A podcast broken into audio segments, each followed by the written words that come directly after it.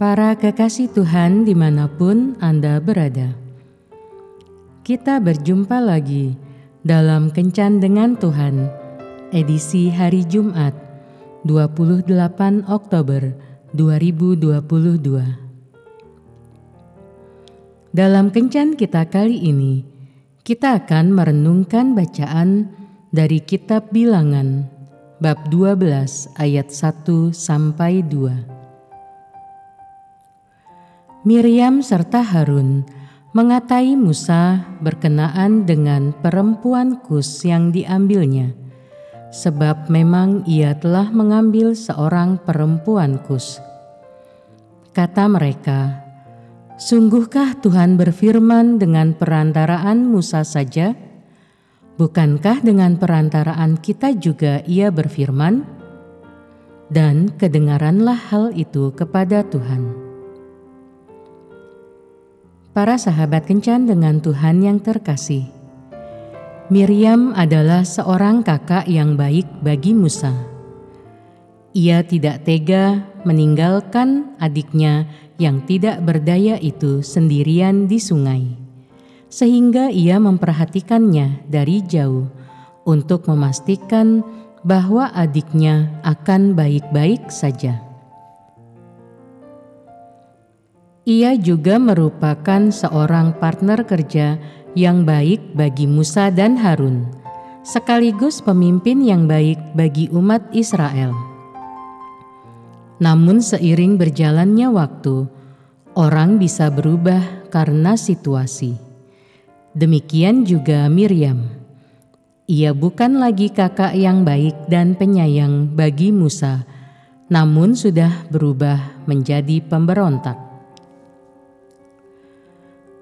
Pemberontakan yang dilakukan Miriam dan Harun terhadap Musa ini dikarenakan wanita Kus yang diperistri oleh Musa.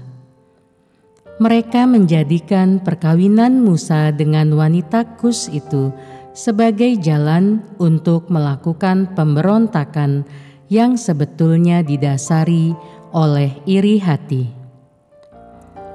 Jika melihat karakter Harun, dia bukannya sosok yang kuat dan tegas, sehingga sangat mungkin bahwa Miriam adalah pemerakarsa pemberontakan ini. Selain itu, hukuman Tuhan atas pemberontakan mereka hanya diberikan kepada Miriam, sedangkan Harun tidak.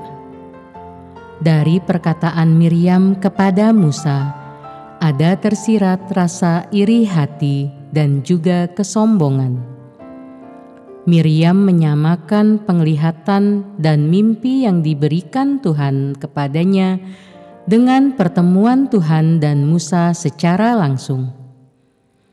Dan ia juga sepertinya menginginkan kedudukan yang sama dengan posisi Musa.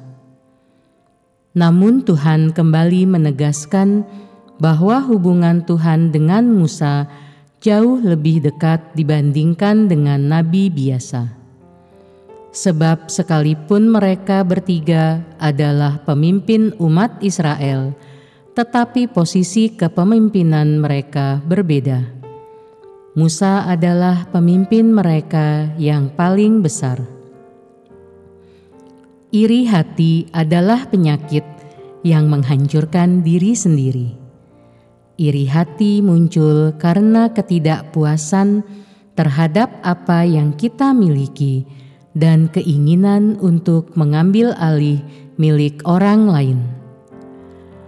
Hal itu bisa berdampak pada tindak kejahatan. Tindak kejahatan dilakukan oleh Miriam dan Harun adalah pemberontakan. Pemberontakan itu dilakukan mereka terhadap orang kesayangan Tuhan. Ini adalah kecemburuan rohani di dalam pelayanan mereka bertiga. Mungkin karena Miriam sebagai seorang kakak merasa tidak puas apabila posisi sang adik ada di atasnya.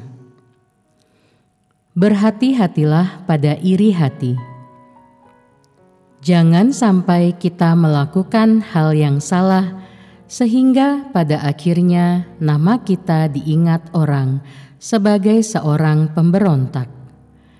Ciptakanlah citra diri yang baik dan benar, sehingga nama kita menjadi harum. Tuhan Yesus memberkati. Marilah berdoa. Tuhan Yesus, jagalah hatiku agar senantiasa lurus dan bersih dari segala iri hati yang membuatku bertindak bodoh. Amin.